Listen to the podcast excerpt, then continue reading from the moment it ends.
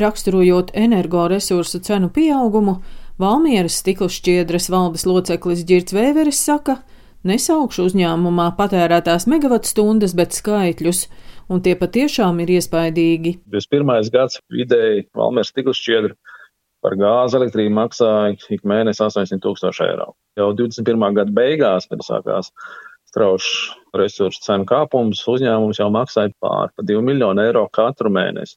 2022. gada augustā Mēs maksājam jau 3,8 miljonu eiro mēnesī. Ja mēs šo kāpumu patreiz attiecīgi sadzam energo kompānijām no savas kabatas ikdienas nopelnītās naudas, tad skaidrs, ka nauda nepaliek attīstībai un investīcijām. Protams, ka mēs arī pieteiksimies atbalsta programmai, kas atbalsta summā varētu būt būtiska, bet tomēr nu, neatsvērš pat 10% no mūsu tām visām pieaugušām enerģijas izmaksām. Tā kā skaidrs ir viens, ka atbalsts ir nepieciešams, katrs cents ir svarīgs. Jā, mēs to varam saņemt no valsts viennozīmīgi un paldies par to. Ekonomikas ministrijas uzņēmē darbības atbalsta departamenta direktore Ilze Lore stāsta, ka valsts atbalstu Krievijas militārās agresijas pret Ukrainu seku mazināšanai saņems tie apstrādes rūpniecības uzņēmumi, kam netiek piemērotas starptautiskās un nacionālās sankcijas, un kas atbilst diviem galvenajiem kritērijiem.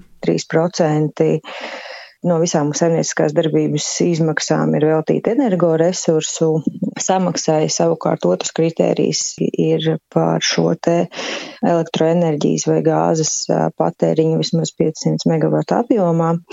Vienam uzņēmumam būs iespējams saņemt līdz 2 miljoniem eiro atbalstā par periodu no 22. gada 1. februāra līdz pat šī gada beigām. Šis ir daļēji, nu, varbūt ierobežojošs pasākums. Tas, protams, ir arī stāsts par valsts budžeta kapacitātu un iespējām.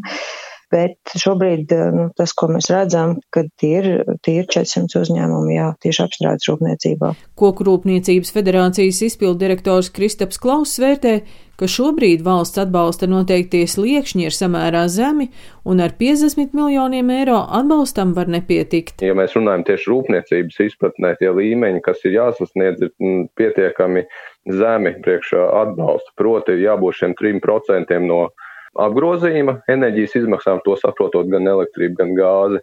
Un jābūt patērēšam vismaz 500 MWh elektrības, kas nav nemaz daudz, tie ir daži simti tūkstoši eiro šodienas izpratnē, un tā ir diezgan izplatīta lieta starp rūpniecības uzņēmumiem.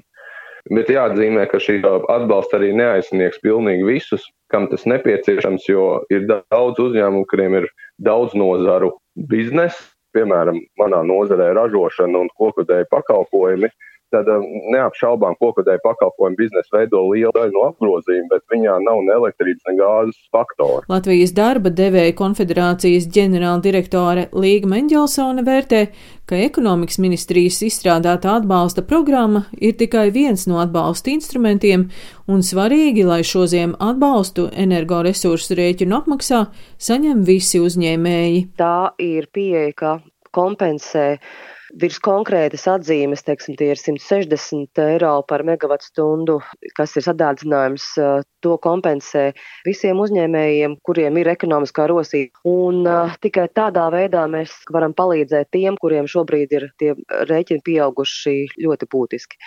Savukārt otrais uh, uzdevums ir, protams, nosargāt mūsu ļoti lielos energoietilpīgos uzņēmumus, kuriem, protams, tajā brīdī, ja jau pirms tam viņiem bija ļoti lieli elektrības rēķini, tad, protams, šobrīd tie ir pieauguši, nu, teiksim tā, kosmiskā izmērā, un, un, un to nevar nosakt ne veidojot citu cenu politiku klientiem citās tāda eksporta valstīs. Tur ir visi limiti izsmelti, ne tur var ar ļoti skarbu taupību.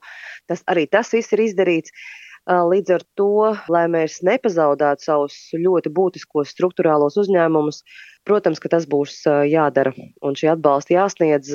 Un, Pats saprotot, kad ir jāskaņo ar Eiropas komisiju, ja tas ir valsts atbalsts, lai izdzīvot līdz nākamā gada aprīlim, maijam, citu ceļu nav. Uzņēmēji cer uz ātru valdības lēmumu pieņemšanu.